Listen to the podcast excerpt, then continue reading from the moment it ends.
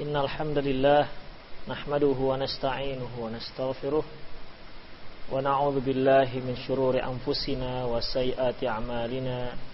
من يهده الله فهو المهتدئ ومن يضلل فلن تجد له وليا مرشدا. أشهد أن لا إله إلا الله وحده لا شريك له وأشهد أن محمدا عبده ورسوله الذي لا نبي بعده. وقال الله سبحانه وتعالى يا أيها الذين آمنوا اتقوا الله حق تقاته ولا تموتن إلا وأنتم مسلمون. يا أيها الذين آمنوا اتقوا الله وقولوا قولا سديدا. يصلح لكم أعمالكم ويغفر لكم ذنوبكم. ومن يطع الله ورسوله فقد فاز فوزا عظيما. يا أيها الناس اتقوا ربكم الذي خلقكم من نفس واحدة وخلق منها زوجها وبث منهما رجالا كثيرا ونساء واتقوا الله الذي تساءلون به والأرحام إن الله كان عليكم رقيبا. أما بعد إن أصدق الحديث كتاب الله وخير الهدي هدي محمد صلى الله عليه وسلم وشر الأمور محدثاتها وكل محدثة بدعة وكل بدعة ضلالة وكل ضلالة في النار.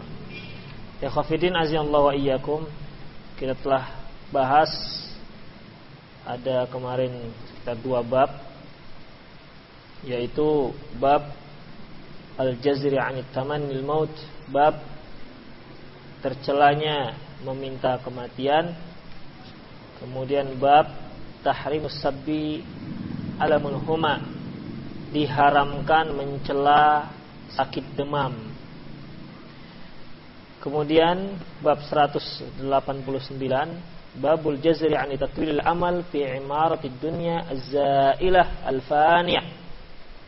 Bab tercelanya e, berangan-angan untuk e, membangun dunia yang fana. Artinya di sini e, adanya larangan ataupun celaan terhadap seorang yang terlalu yang angan-angannya terlalu terfokus kepada dunia. Membangun dunia apakah berupa rumah dan lain-lainnya.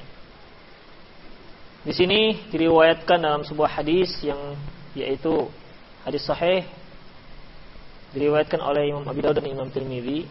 An Abdullah bin Amr radhiyallahu anhuma dari Abdullah bin Amr radhiyallahu anhuma Qala dia berkata marra alaina Rasulullah sallallahu alaihi wasallam wa nahnu nu'aliju hussan lana. Nabi sallallahu alaihi wasallam melintasi kami. Waktu itu kami sedang memperbaiki rumah kami. Faqala beliau bertanya, "Wa ma hadha?" Ada apa ini? Fakulna kami katakan, "Qad wahiya fa nahnu nuslihuhu." Rumah ini hampir ambruk dan kami ingin memperbaikinya. Faqala lantas beliau bersabda, "Ma aral amro illa al-ajalu min dzalik." Menurutku jangan-jangan ajal kalian lebih cepat ketimbang ambruknya rumah kalian. Ya.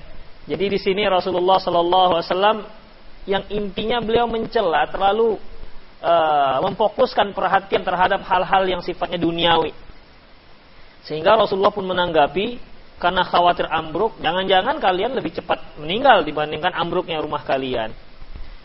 Min fiqhil bab di antara fikih bab kirahiyah kirahatu ayut ayutawwil al mar'u amalahu fi imarati dunya faniyah. Dimakruhkan seorang itu terlalu memperpanjang angan-angannya dalam membangun dunia yang fana ini. Fana itu tidak kekal. Li'anna inqidha'uha syari sari'un karena dunia itu cepat habis, cepat binasa. Bal yadha'ul maut nasaba. Seharusnya dia lebih banyak memikirkan kematian ketimbang memikirkan rumahnya.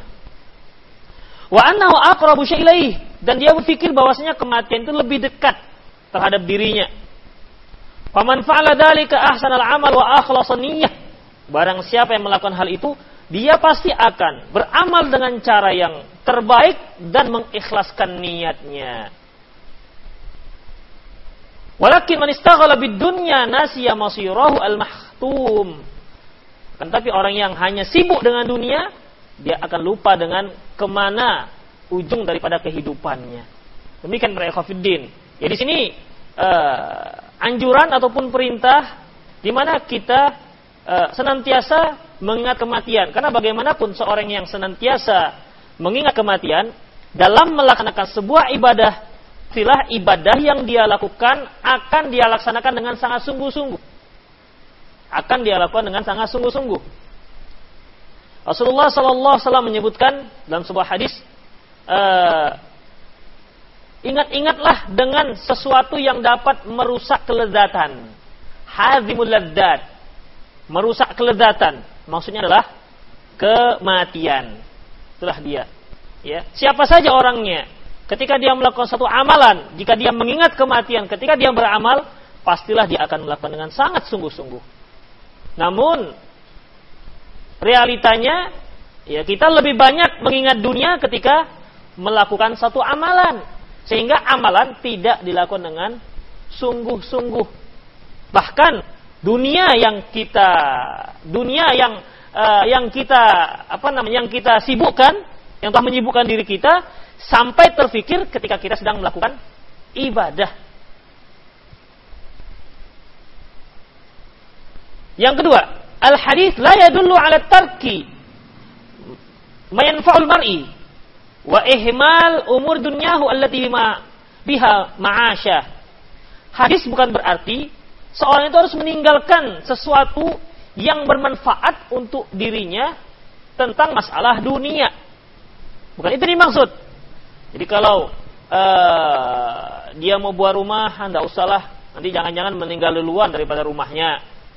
Ketika dia mau mencari rezeki, ya sudahlah ala kadarnya saja. Misalnya, sementara dia butuh lebih banyak, apakah untuk menyekolahkan anaknya atau keadaan kebutuhan-kebutuhan lain yang penting bagi dia. Ya, jadi bukan berarti bukan berarti dia tidak memikirkan sama sekali dunianya. Karena kalau seperti ini, bisa saja orang nanti tidak mau bekerja. Ketika dia mau bekerja, Alah, sebentar lagi juga mati. Akhirnya kaum muslimin jadi pengangguran kelas berat. Mengapa? Karena khawatir ketika setiap kali dia setiap kali dia bekerja, yang terpikir dia, aduh, jangan-jangan mati. Ketika dia bekerja untuk dunianya, tidak semangat. Hanya semangatnya untuk beribadah, lupa dengan dunianya, boleh ketika itu dia fokuskan ketika ibadah. Tapi ketika dia mencari kebutuhan dunianya, ya, ketika dia mencari kebutuhan dunianya, yang harus dia pikirkan masalah akhirat juga dengan catatan jangan sampai melanggar syariat. Jangan sampai melanggar syariat itu yang paling penting. Nah, demikian. Jadi bukan arti kita tidak boleh uh, mengerjakan hal-hal yang bermanfaat untuk dunia kita. Namun eh, sampai berlebihan, misalnya bangun rumah, tiangnya sebenarnya butuh dua dibuat lima misalnya.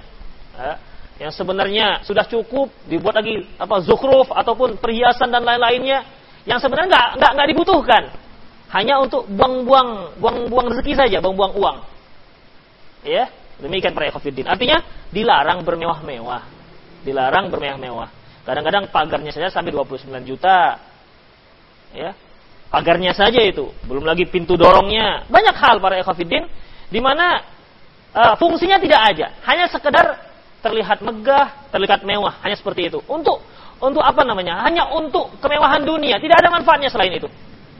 Demikian Pak Khafidin. HP misalnya bisa dapat sarjana ini dapat uang misalnya, apa saja. Intinya uang. Pokoknya ujung-ujungnya uang, UUD, ujung-ujungnya duit. Bukan untuk kepentingan dirinya, bukan untuk kepentingan akhiratnya. Itu merupakan satu perkara yang tidak dibolehkan. Ya, jadi segala uh, segala kepa, apa namanya keinginan kita jangan sampai dunia merupakan kepentingan yang paling utama. Jangan sampai dunia merupakan kepentingan yang paling utama. Bab selanjutnya, nahyu babun nahyi 'anin na'yi wa bayani ma yajuzu minhu.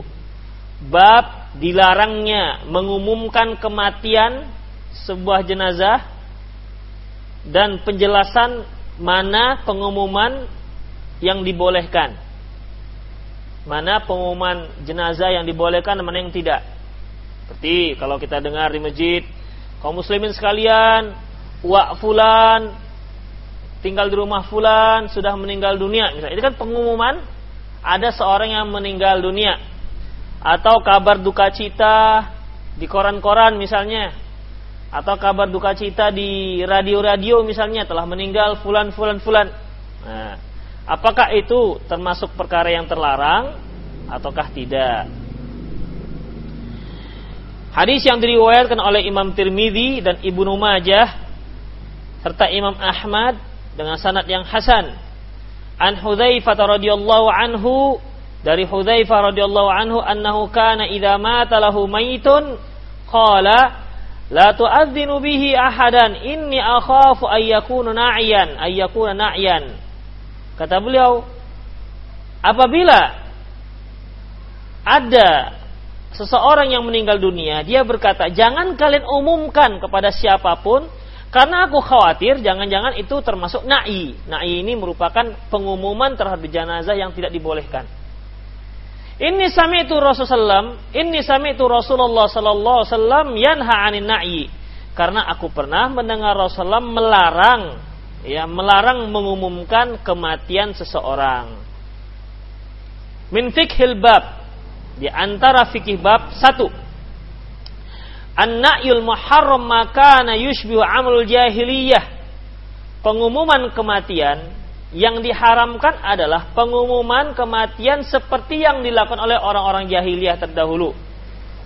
Minasyaha 'alal abwab fil ausa fi aswaq wa 'alal mana wa 'alal manair yaitu berteriak-teriak mengumumkan kematian seorang di pintu-pintu rumah orang, di pasar-pasar bahkan di menara-menara. Teriak-teriak.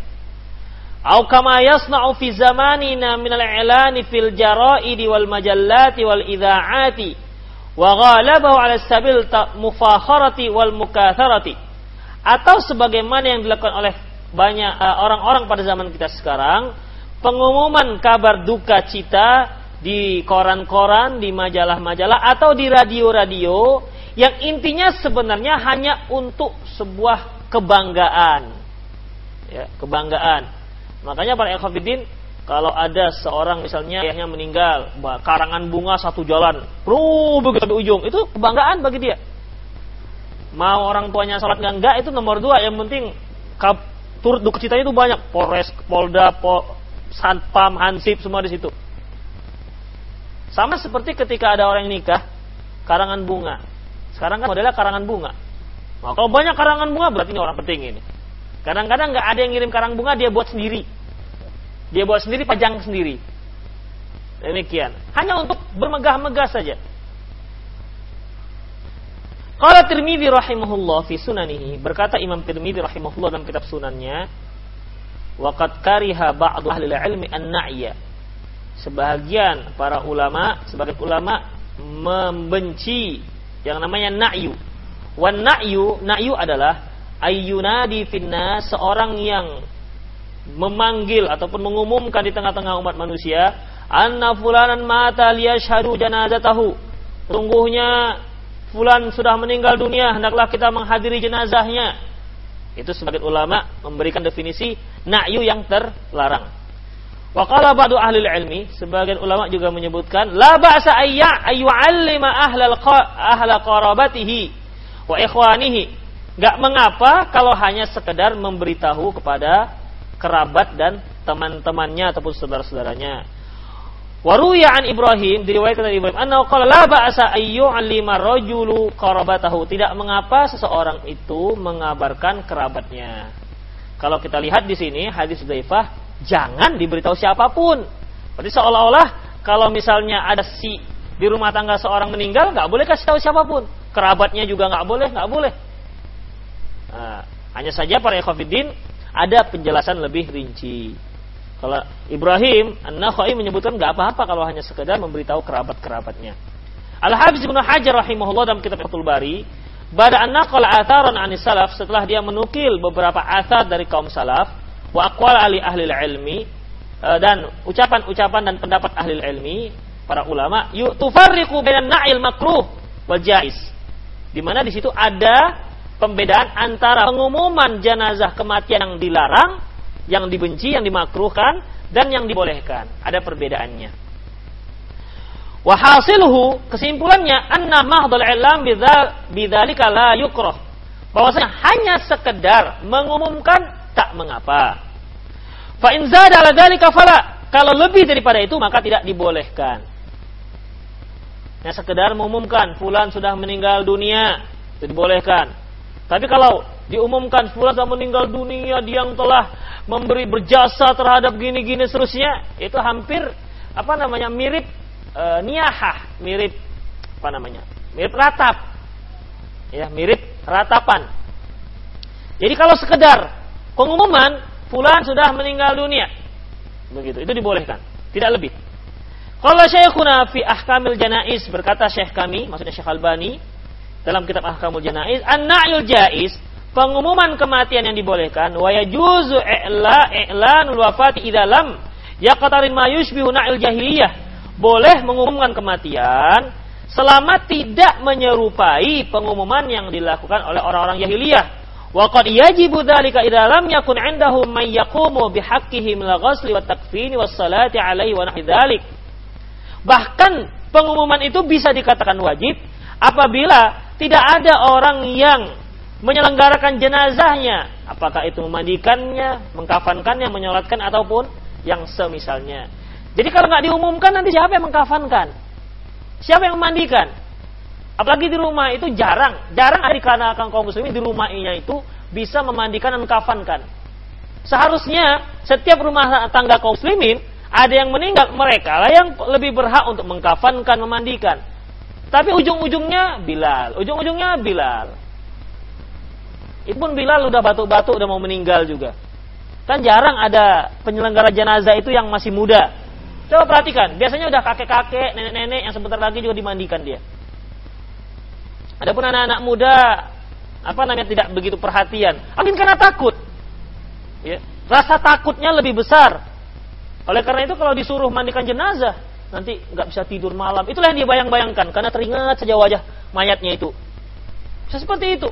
Ya, macam mana nggak takut hari-hari dia tengok sinetron hantu. Ini kan membuat kaum muslimin penakut jadinya. Padahal kalau dia cubit jenazah, dia guling-guling kan nggak melawan. Kalau melawan begini dah lari orang kan begitu. Tapi belum pernah ada sejarahnya. Jenazah dimandikan yang kanan dulu, kan begitu. kan nggak ada sejarahnya. Kalau sudah jenazah ya sama seperti kalau antum karpet digulung-gulung atau bertebok pisang sama. Nggak bisa melawan. Begitu. Walaupun dia tiba-tiba melotot begini, itu mungkin ya sekedar mau melotot aja dia, mungkin ada tarikan dari otaknya ini. Hei! Nah, demikian. Itulah banyak kaum muslimin yang penakut jadinya para khafirin tanpa kita sadari ya terutama ikhwan-ikhwan yang di rumahnya itu sering memutar film-film hantu yang ada televisinya ikut anaknya nonton ini membuat anaknya takut salah satu contoh kalau dia malam-malam disuruh lewat tempat gelap biasanya pasangan ancang-ancang dia uh, supaya lewat tempat gelap takut sekali jadi penakut ya kita sendiri yang membuat dia jadi generasi penakut kadang-kadang bukan anaknya Orang tuanya pun ikut takut.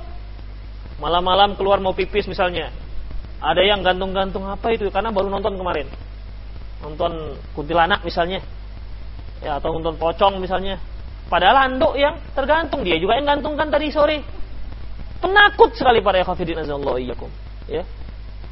Padahal itu kan dibuat-buat orang saja. Mana ada yang namanya pocong bisa jalan, kuntilanak di toko pakai paku hidup jadi perempuan lagi.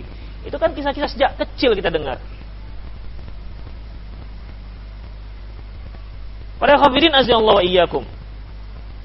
Jadi kata Syekh Albani, bahkan bisa dikatakan wajib diumumkan kalau tidak ada orang yang bisa yang memandikan, mengkafankan dan menyolatkan si mayit. Bahkan tragisnya lagi para ekhafirin yang menyolatkan dari keluarga juga nggak ada. Suruh juga, bapaklah silahkan. Padahal itu hak keluarga kan. Padahal hak keluarga. Minimal saya lihat itu memangku, yang mangku waktu mandilah itu minimal. Dengan waktu dia nampung masukkan ke dalam kuburan. Selebihnya itu diserahkan kepada Wak Bilal. Itu mayoritasnya seperti itu. Ada lagi yang lebih anehnya, ketika menyolatkan dia di luar masjid. Kok nggak sholatkan? Nggak tahu bacaan sholat jenazah itu apa? Sedang yang sering-sering sholat jenazah saja lupa-lupa bacaannya. Apalagi yang nggak nggak pernah menyolatkan. Takbir pertama baca apa? Dengan Al-Fatihah dengan doanya apa? Nah, kan? Ada demikian para ikhwan Enggak apa-apa kalau kita ada jenazah kita ulang-ulang lagi bacaannya. Kemudian para ikhwan wa fihi ahadis. Masalah ini ada dalam beberapa hadis. Pertama, an Abi Hurairah dari Abi Hurairah anna Rasulullah na'an Najasyi fil yaumil ladzi mata fihi. Nabi SAW pernah mengumumkan kematian Najasyi pada hari kematiannya. Najasyi ini raja Habasyah di Ethiopia. Rasulullah mengumumkan kepada para sahabat, hari ini Raja Najasyi telah meninggal dunia. Nah, demikian. Itu kan pengumuman namanya, pengumuman kematian.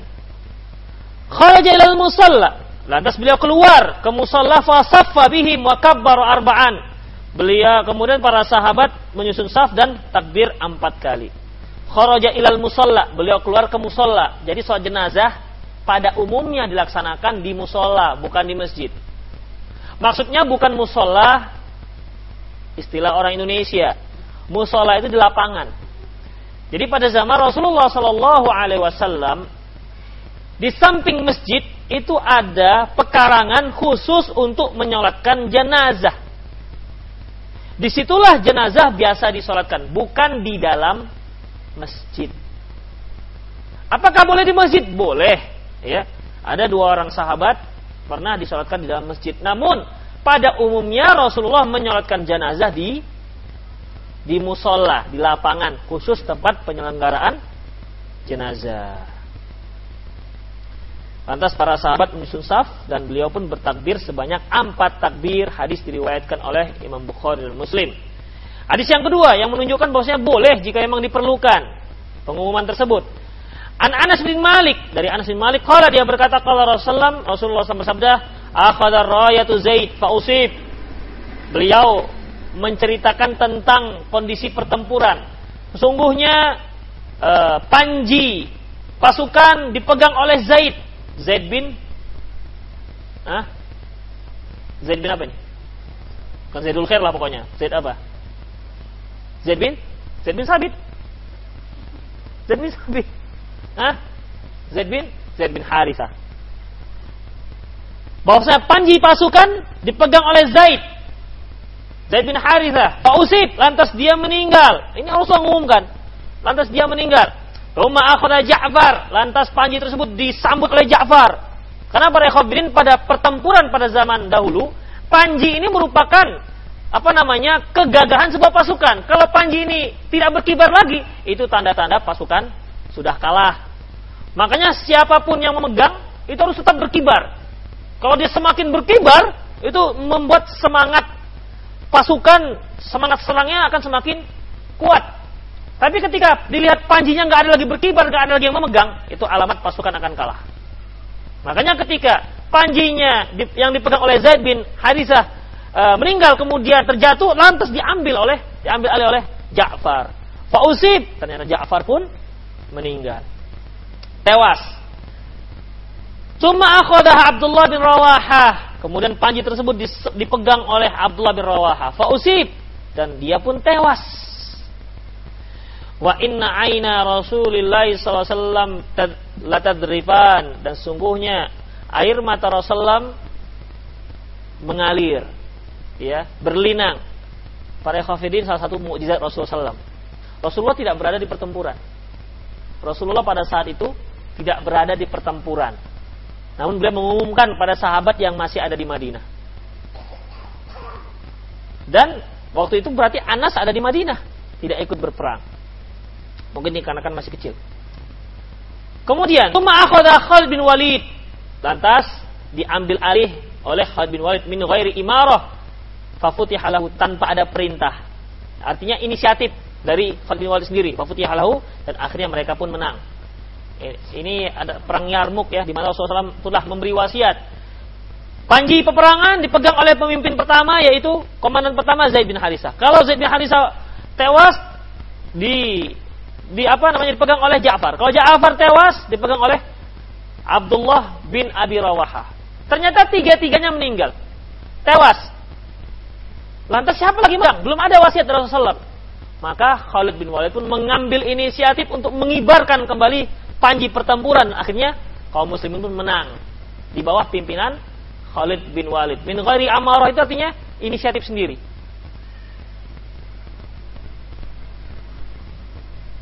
Akhraj al-Bukhari diriwayatkan oleh Imam Bukhari wa tarajmalahu walladzi qablahu biqaulih atas dia membuat bab untuk hadis ini bab ar-rajulu yan'a ila ahli al-mait binafsihi bab seorang yang mengumumkan kematian ya mengumumkan sendiri kematian yang ada seseorang yang meninggal dari kalangan keluarganya bab seorang mengumumkan kematian seseorang kepada keluarganya sendiri misalnya ada yang tewas di tempat lain, orang itu mengumumkan ke memberitahu ke keluarganya, ke ahli musibahnya. Dibolehkan. Kalau Hafiz berkata Hafiz wa fa'itu hadhi terjemah. Faidah bab ini al isyaratu ila anna na'ya laisa mamnu'an kullah. Bahwasanya mengumumkan kematian tidak berarti terlarang secara mutlak. Berarti ada yang dibolehkan. Wa inna ma nuhiya amma kana ahli jahiliyah yasna'unahu. Yang terlarang adalah pengumuman yang dilakukan oleh orang-orang seperti yang dilakukan oleh orang jahiliyah terdahulu. Fakan yursiluna may yu'linu bi khabaril maut al-mayyit ala abwabi wad dur aswad. Mereka sengaja mengirimkan utusan khusus ya. Pada zaman jahiliyah memang ada apa namanya orang-orang khusus yang dia bertugas untuk mengumumkan kematian. Jadi memang profesi tersendiri khusus mengumumkan. Hmm. Kalau antum lihat di agama Nasrani itu ada orang yang khusus apa namanya yang meratapi. Ada yang khusus meratapi. Pernah saya menghadiri seorang yang mualaf, seorang mualaf baru masuk Islam, e, maka penyelenggaraannya diserahkan pada kaum muslimin sekitarnya. Keluarganya semuanya Kristen. Setelah kita laksanakan selesai, diselenggarakan, dikuburkan, tibalah giliran mereka yang Kristen. Begitu mereka masuk, ada beberapa orang ibu-ibu, mulailah. Tadi yang ada cerita nangis-nangis. Walaupun ada beberapa yang hadir dari mereka, tapi nggak ada cerita nangis. Ketika mereka masuk, mulailah. Ada memang orang khusus. Amangu, ya seterusnya begitu. Mulailah nangis-nangis, menyebutkan kebaikan-kebaikan. Memang ada orang khusus untuk untuk apa namanya? Untuk melakukan ratapan tersebut. Nah, dan pada zaman jahiliyah dahulu ada orang khusus untuk mengumumkan kematian dan ini dibayar biasanya mana dia mengumumkan berita kematian ke rumah ke pintu-pintu atau ke rumah-rumah dan ke e, ke pasar-pasar. Jadi rumah ke rumah, eh sudah meninggal. Kemudian ke rumah, eh pulang sudah meninggal. Pergi ke pasar kamu ngalang, eh pulang sudah meninggal. Begitu. Memang ada orang khusus, spesialis pengum, mengumumkan berita kematian. Kultu, aku berkata, yaitu Syekh Said Syekh uh, Salim bin Ahlilali Wa in kana musallaman apabila ini bisa diterima, fasyah bidzalika ala ru'usul manair yakunu na'yan min abu min babil aula. Berarti teriak-teriak ya. Teriakan-teriakan melalui mimbar, uh, melalui menara-menara, bukan pengumuman tapi teriakan. Teriakan melalui menara itu lebih tidak dibolehkan. Lidzalika jazamna bihi fil faqatil lati qabla hadhihi. Oleh karena itu kami bisa pastikan pada paragraf sebelumnya Waqad yaqtarin bihi umur ukhra wa hiya fi yang muharram ukhra. Bisa saja diharamkannya itu dikarenakan ada hal-hal lain yang di yang diharamkan. Nah, ada hal-hal yang lain yang diharamkan seperti apa? Ya seperti adanya unsur uh, apa namanya? unsur ratapan. Ada unsur ratapan. Si fulan sudah meninggal padahal anaknya masih ada sekian orang kecil-kecil lah begitulah. Jadi uh, pengumuman itu disertai dengan ratapan-ratapan. Atau ya, omisla akhdil ujrati ala siyaha seperti mengambil upah khusus untuk mengumumkan. Orang yang mengambil upah jadi profesinya uh, apa profesi Anda mengumumkan orang mati misalnya dan ada upah khusus untuk mengumumkannya. Wa mayit bima ya'lam dan sambil memuji-muji mayit yang sebenarnya dia tidak berhak. Dia preman nggak pernah sholat, tapi diumumkan sudah meninggal fulan padahal ada orang soleh, rajin ke masjid. Sholat nggak pernah kok rajin ke masjid. Nah, demikianlah dilakukan oleh orang-orang jahiliyah terdahulu. Dia orang dermawan, dia orang yang sangat diharapkan dan lain-lainnya. Ini tidak dibolehkan. Kakaulihim seperti perkataan mereka, as-salatu ala fakhril amajid al-mukarramin. Salat terhadap seorang yang mulia begitu. Mari kita melakukan salat terhadap orang yang mulia dan orang yang dermawan. Padahal tidak. Wa itu salaful kiram as-salihin dan uh, dan sisa-sisa generasi salaf yang soleh dan yang mulia. Jadi dia itu si mayat dikatakan sisa-sisa orang-orang terdahulu, sisa-sisa orang-orang yang soleh. Yang lebihnya nggak soleh, sisa-sisa ini termasuk orang sisa-sisanya.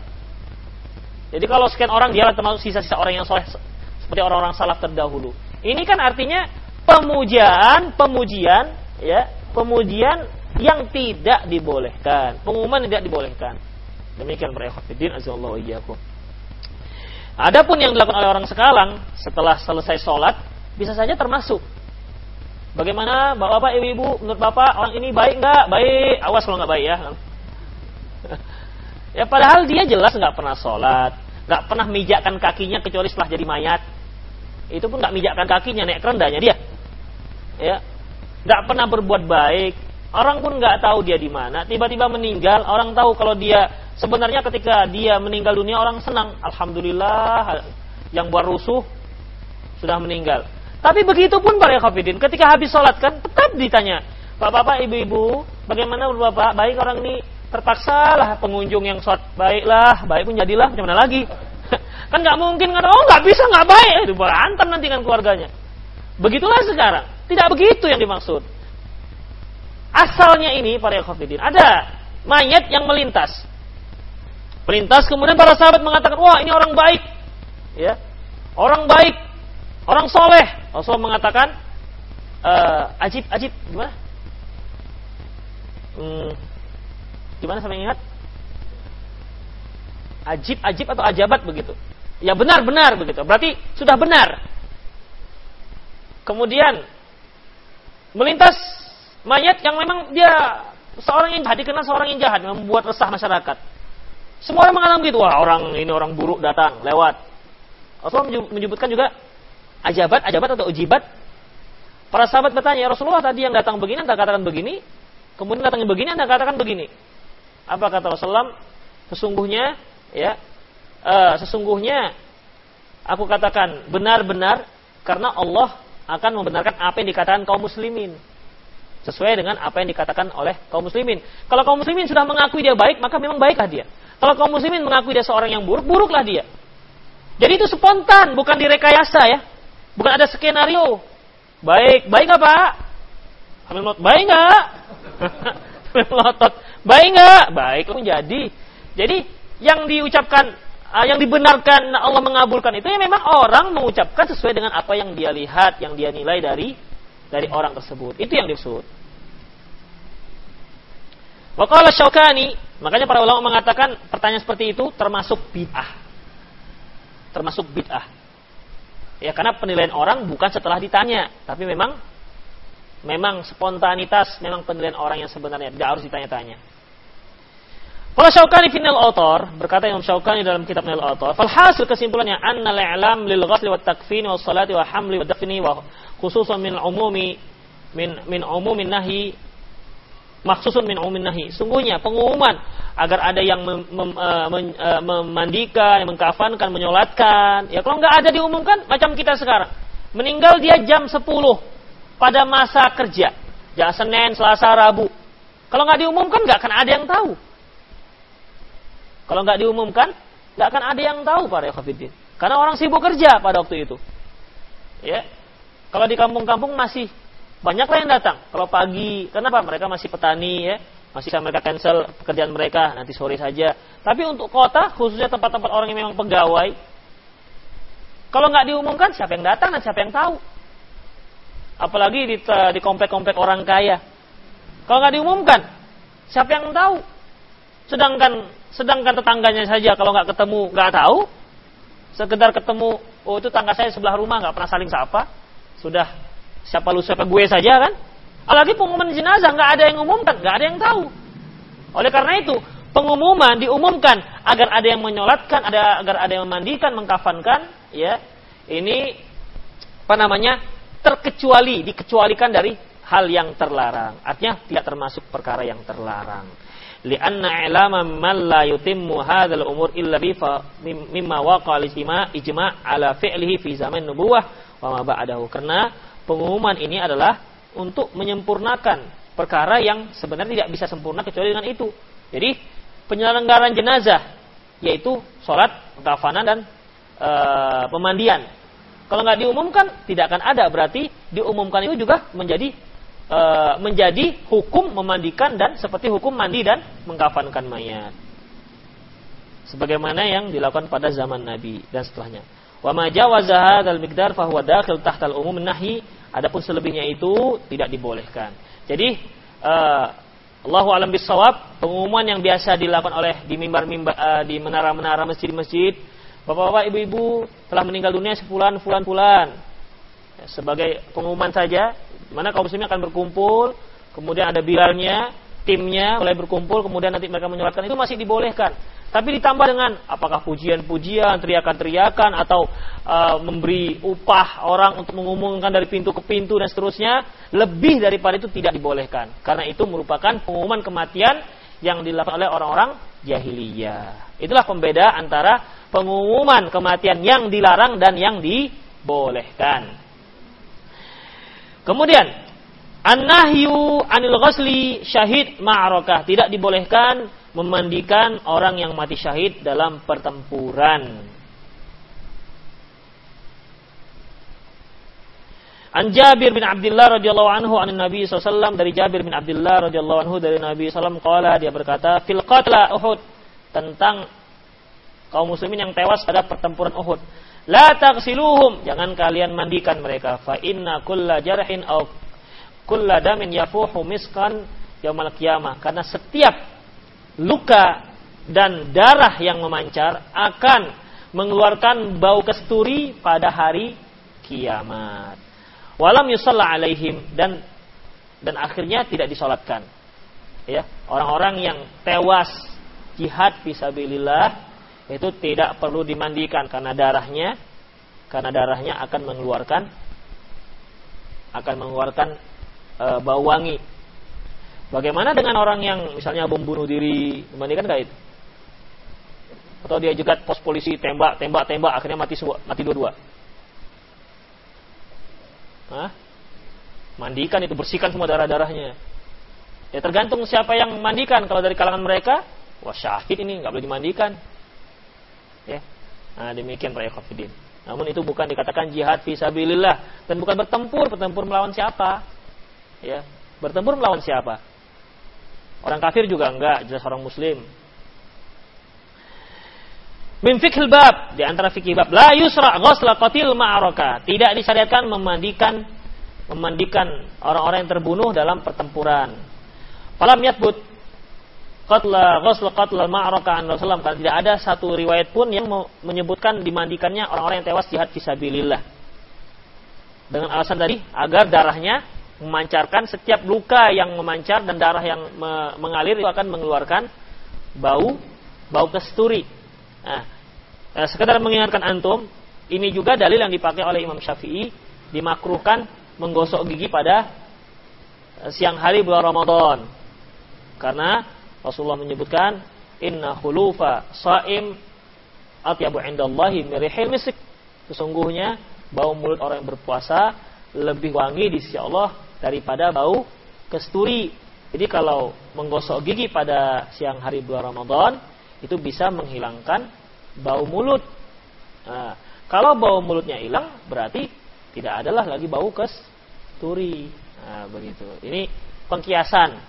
Sebagaimana sebagaimana seorang yang tewas jihad fisabilillah tidak dimandikan karena apa? Agar darahnya nanti mengeluarkan bau wangi kesturi. Kalau dimandikan hilanglah darahnya. Berarti hilang juga bau kesturinya. Demikian. Nah, sebenarnya para ikhwatiddin tidak juga demikian. Ya, tidak harus ada darah dan tidak ada darah. Tidak harus ada darah dan tidak ada darah. Bagaimana kalau nanti perangnya dengan laser, sus gitu, nggak pakai nggak keluar darahnya? Atau apa namanya? Seorang yang tewas, begitu tewas hujan. Begitu tewas hujan. bersih dia darahnya. Lantas bagaimana? Apakah nanti di hari kiamat nggak keluar bau wangi? Karena darahnya nggak ada? Ya demikian juga para hafidin. Ya. Jadi intinya ya tidak bisa dikiaskan seperti itu. Apalagi yang namanya bau mulut. Bau mulut bukan bukan dikarenakan mulut yang kotor sehingga dia bau. Bukan berarti kita disyariatkan untuk membau-baukan mulut sehingga bau kesturi ketika kita puasa. Tidak demikian.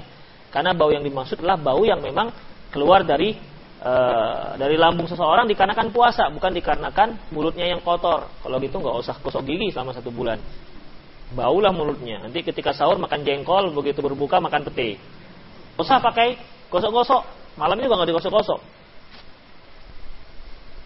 Jadi nanti pas hari raya tinggal buka gigi sekian karat. Kemudian mereka fiddin, kita lanjutkan.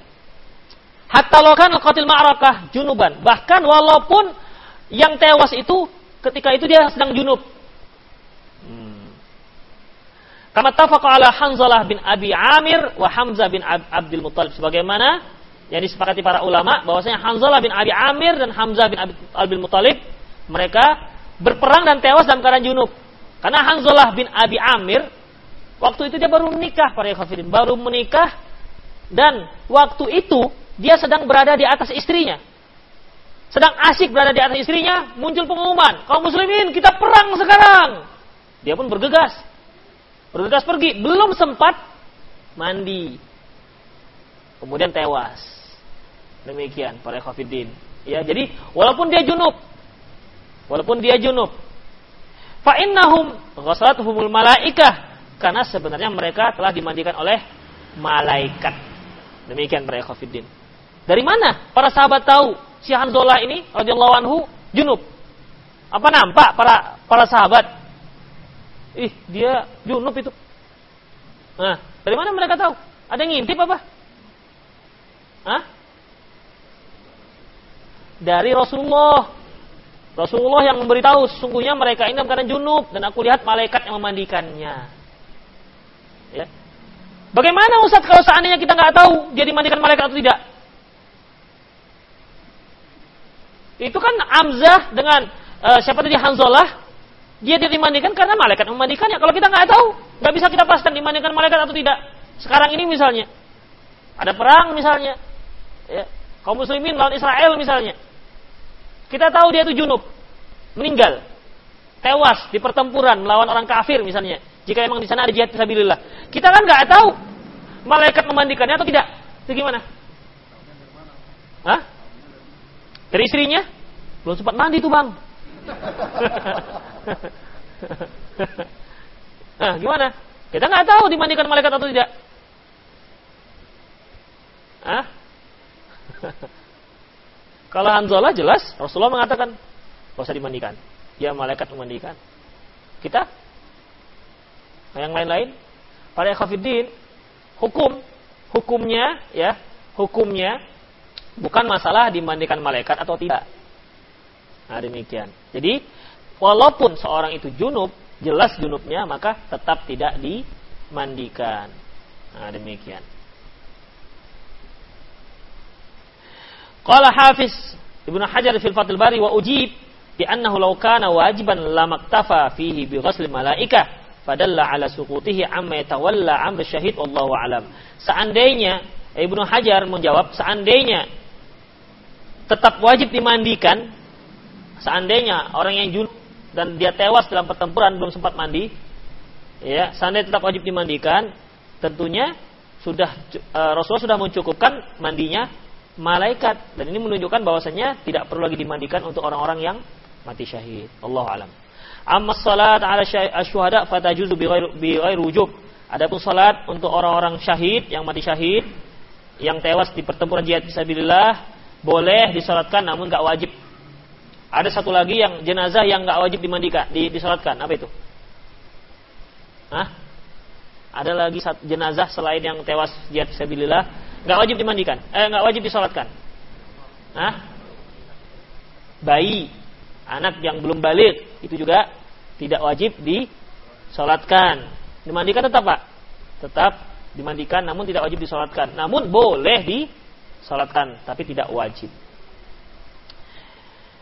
Lianna Rasulullah sallallahu al Hamzah bin Abdul Muttalib radhiyallahu anhu karena Rasulullah pernah menyolatkan mayat Hamzah bin Abdul Muttalib radhiyallahu anhu.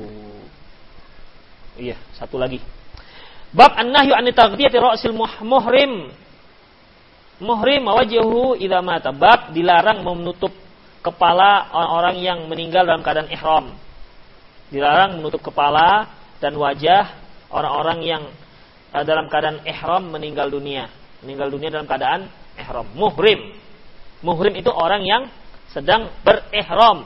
Mahram baru wanita yang tidak boleh dinikahi. Perhatikan ya, muhrim dengan mahram. Mahram orang yang tidak boleh dinikahi.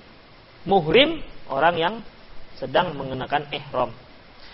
Ani bin Abbas radhiyallahu anhu qala dari Ibnu Abbas radhiyallahu anhu qala dia berkata nama rajulun wafaqa waqafa bi Arafah ketika seorang sedang wukuf di Arafah Idh waqala rahilati fa waqasathu.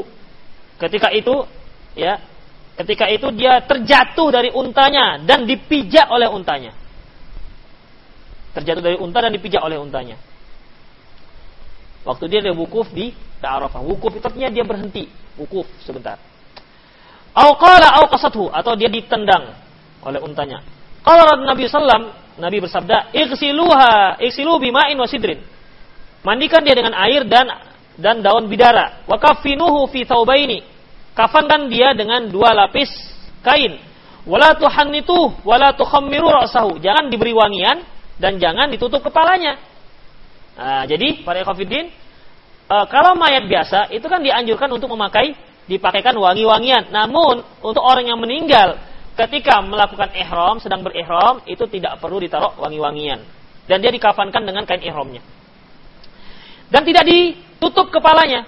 Berarti ya selehernya ini aja. Di apa namanya di, di dikafankan. Fa innahu yub'atsu yaumil qiyamati mulabbiyan karena dia nanti di hari kiamat dibangkitkan sambil mengucapkan labbaik Allahumma labbaik dalam keadaan haji husnul khatimah. Husnul khatimah. Nas'alullaha ala husnul khatimah. Min fikhil bab sunnah ayyastura jami' abadil mayit bi thawbi li hadis Aisyah inda Syekhain anna Rasulullah hina tufiya sujja bi burdin bi bardin hibroh. Disunnahkan untuk menutup seluruh badan mayit ya dengan kain ketika dia meninggal. Mayit ketika ya mayit sudah meninggal ya. Disunnahkan untuk menutupi seluruh badan mayit.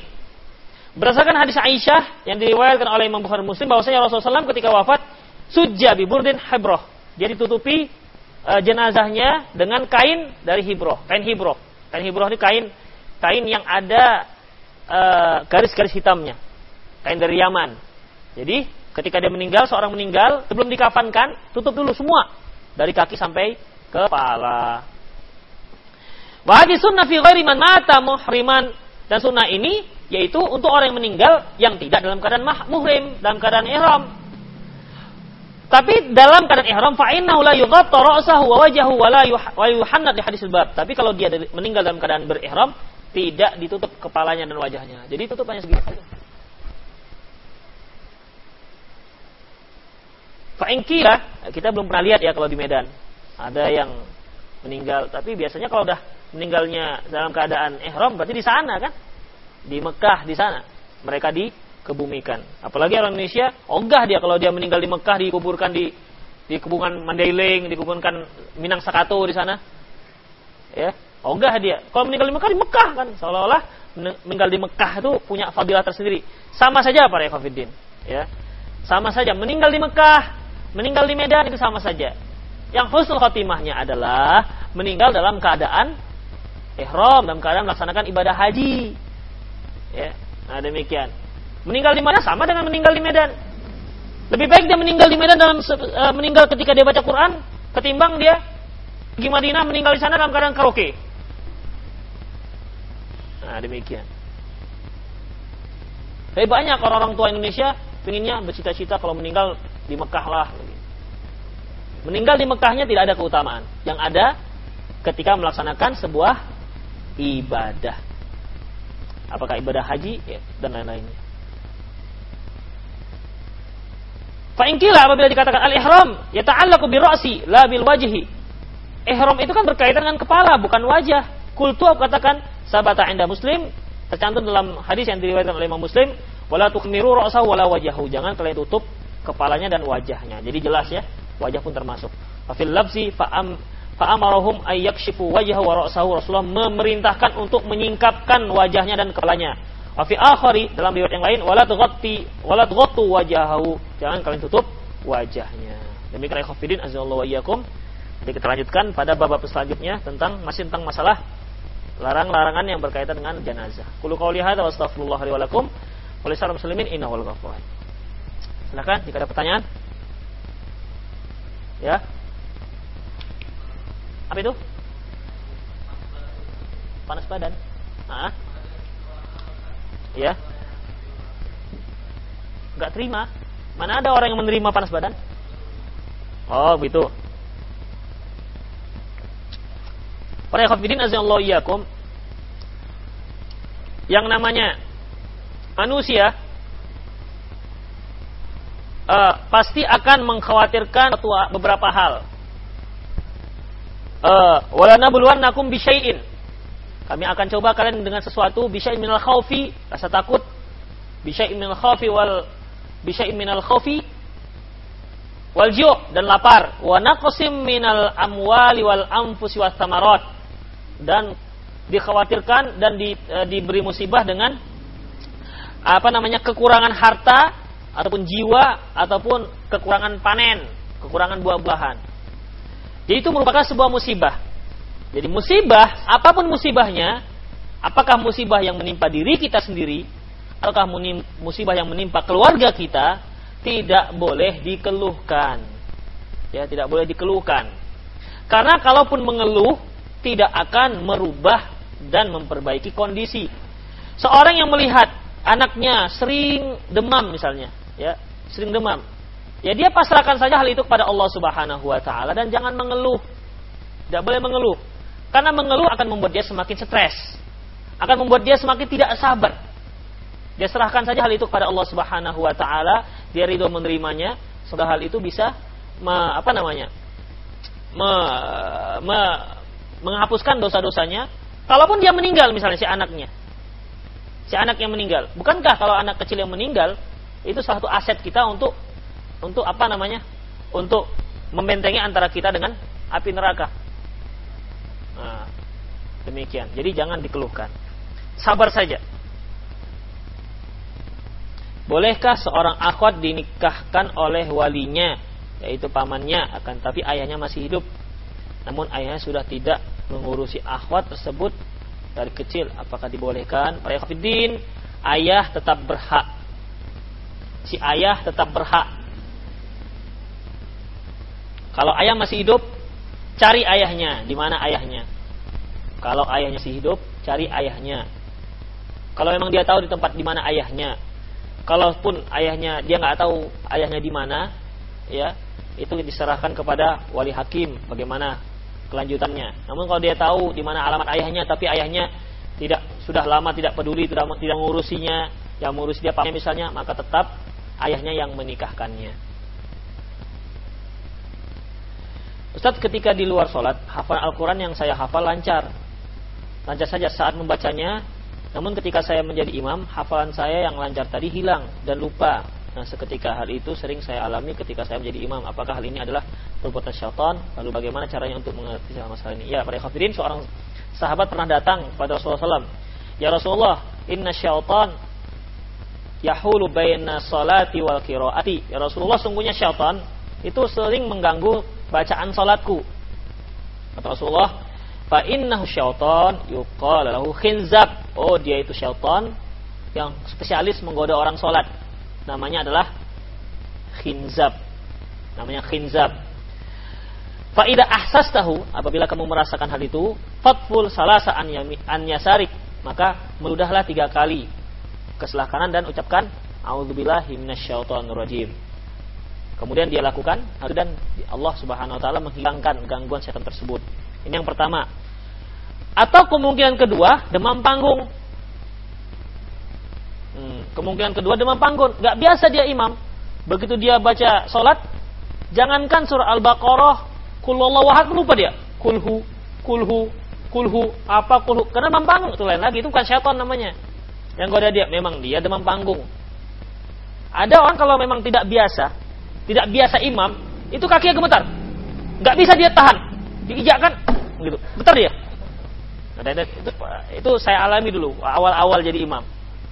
Dipijakkan, yang dibaca kan kalau binasnya. Tapi goyang dari lutut. Dan kamu bisa lihat, Eh, getaran itu mau mau mau bisa lihat. Saya hentak kasih. Goyang juga dia. nah, itu demam panggung namanya. Karena setan nggak nggak gerak-gerak lutut. nah. Hah? Sebelah kiri. Tapi jangan pakai isi. Nah, jangan mulut jangan pakai isi, dia sekedar aja.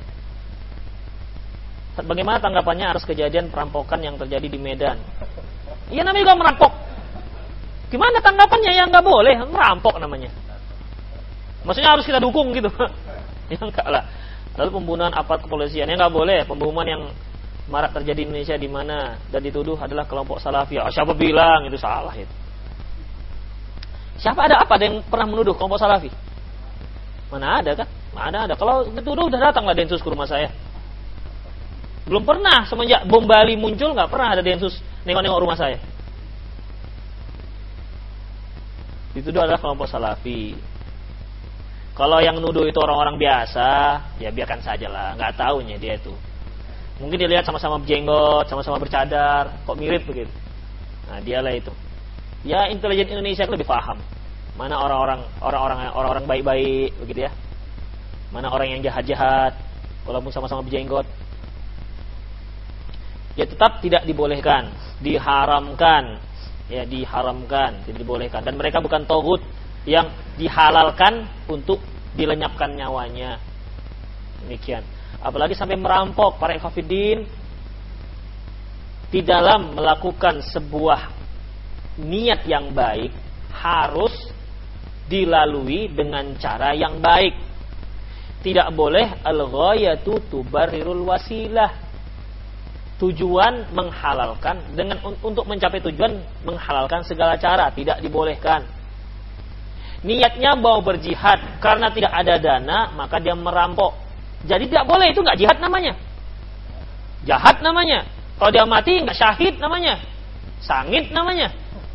Nah, ya. Al tuh la baru wasilah. Jadi bukan berarti niat kita baik lantas terserah penting targetnya baik. Enggak Gak akan pernah sejarahnya para ekafidin ya berhasil menegakkan Islam dengan cara-cara seperti ini.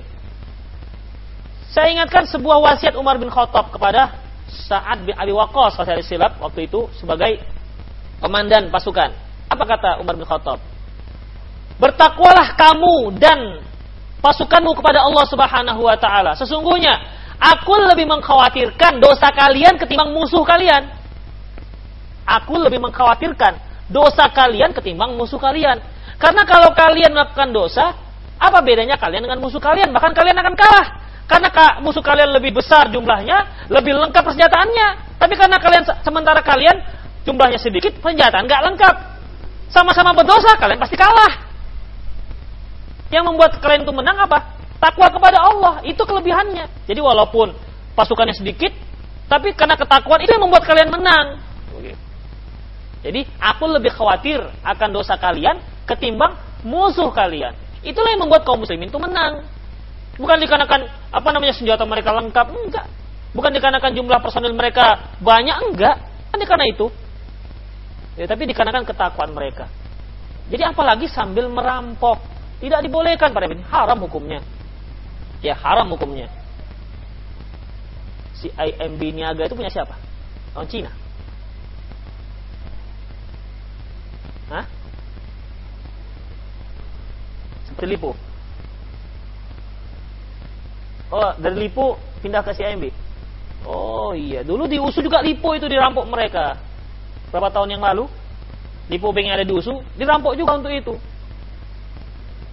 Mungkin dengan alasan mereka orang kafir. Para kafirin nggak boleh walaupun orang kafir. Ini bukan bukan bukan dalam keadaan kita bertempur dengan orang kafir sehingga menghalalkan segala cara. Oke lah, itu orang kafir punya. Yang polisi, yang muslim, dibunuh kan? Halal juga. Dikarenakan apa? Inti-intinya, karena mereka tidak berhukum dengan hukum Allah. kan begitu tidak berhukum dengan hukum Allah kemudian eh, para aparat pendukung-pendukung orang-orang yang nggak berhukum dengan hukum Allah kalau mereka kafir aparat juga kafir kan itu intinya nah ini merupakan kesimpulan yang eh, sangat keliru Ustaz, apakah ada sunnah bersalaman ketika mengakhiri pertemuan? Bersalaman ketika mengakhiri pertemuan.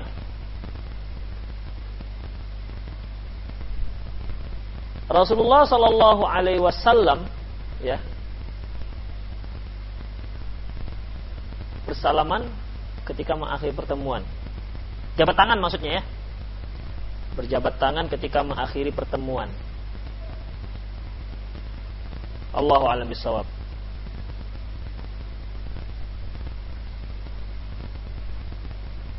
Kalau ucapan salam ada. Rasulullah menyebutkan tidaklah yang pertama lebih aula dibandingkan yang kedua, maksudnya dua. Nanti kita kita bahas lagi nih. Antum ada pertanyaan? Ya. Ihram? Ya. Ah. Ah. Ya. Nah. Saya belum mengetahui dibuka atau enggaknya. Hanya ada pendapat-pendapat yang mengatakan ada yang buka, ada yang enggak. Syekh Utsaimin juga mengatakan uh, itu dibuka. Ya Allah alam. Ada nas yang khusus harus dibuka. Ada nas yang khusus harus dibuka. Mungkin pengambilan dalilnya uh, kan kita harus memperlakukan memperlakukan mayat seperti memperlakukan orang yang masih hidup. Kalau dia terikat, mungkin apa namanya? Ya kan e, seperti orang yang hidup kan nggak boleh diikat, maka dibuka. Intinya kan sebenarnya mengkafankan ikatan itu supaya kafannya tidak terlepaskan itu intinya. Nah, demikian. Kalau sudah dalam lahat kan nggak akan lepas lagi. Allah alam bisawab. Saya belum menemukan dalil yang menyebutkan dilepas ataupun harus diikat. Demikian juga jumlah ikatannya. Itu kan kadang-kadang ada jumlah ikatan berapa gitu. Harus ganjil. Ya kalau yang panjang butuh harus genap. Allah alam Atau antum pernah mendengar dalil ada yang harus harus lima, harus tujuh, sembilan, dua satu, dan harus pakai ikatannya itu harus pakai pinggir kain kafan. Nah, nggak boleh digunting. Kemudian sisa kain kafan di, untuk membungkus ujung kerenda ujung keranda itu. Untuk bawa keranda kan ada ujungnya. Dua dua besi. Dua depan dua belakang. Itu biar tutup itu pakai kain sisa kain kafan. Entah itu apa Allah alam gunanya. Enggak bukan itu. Bukan karena itu.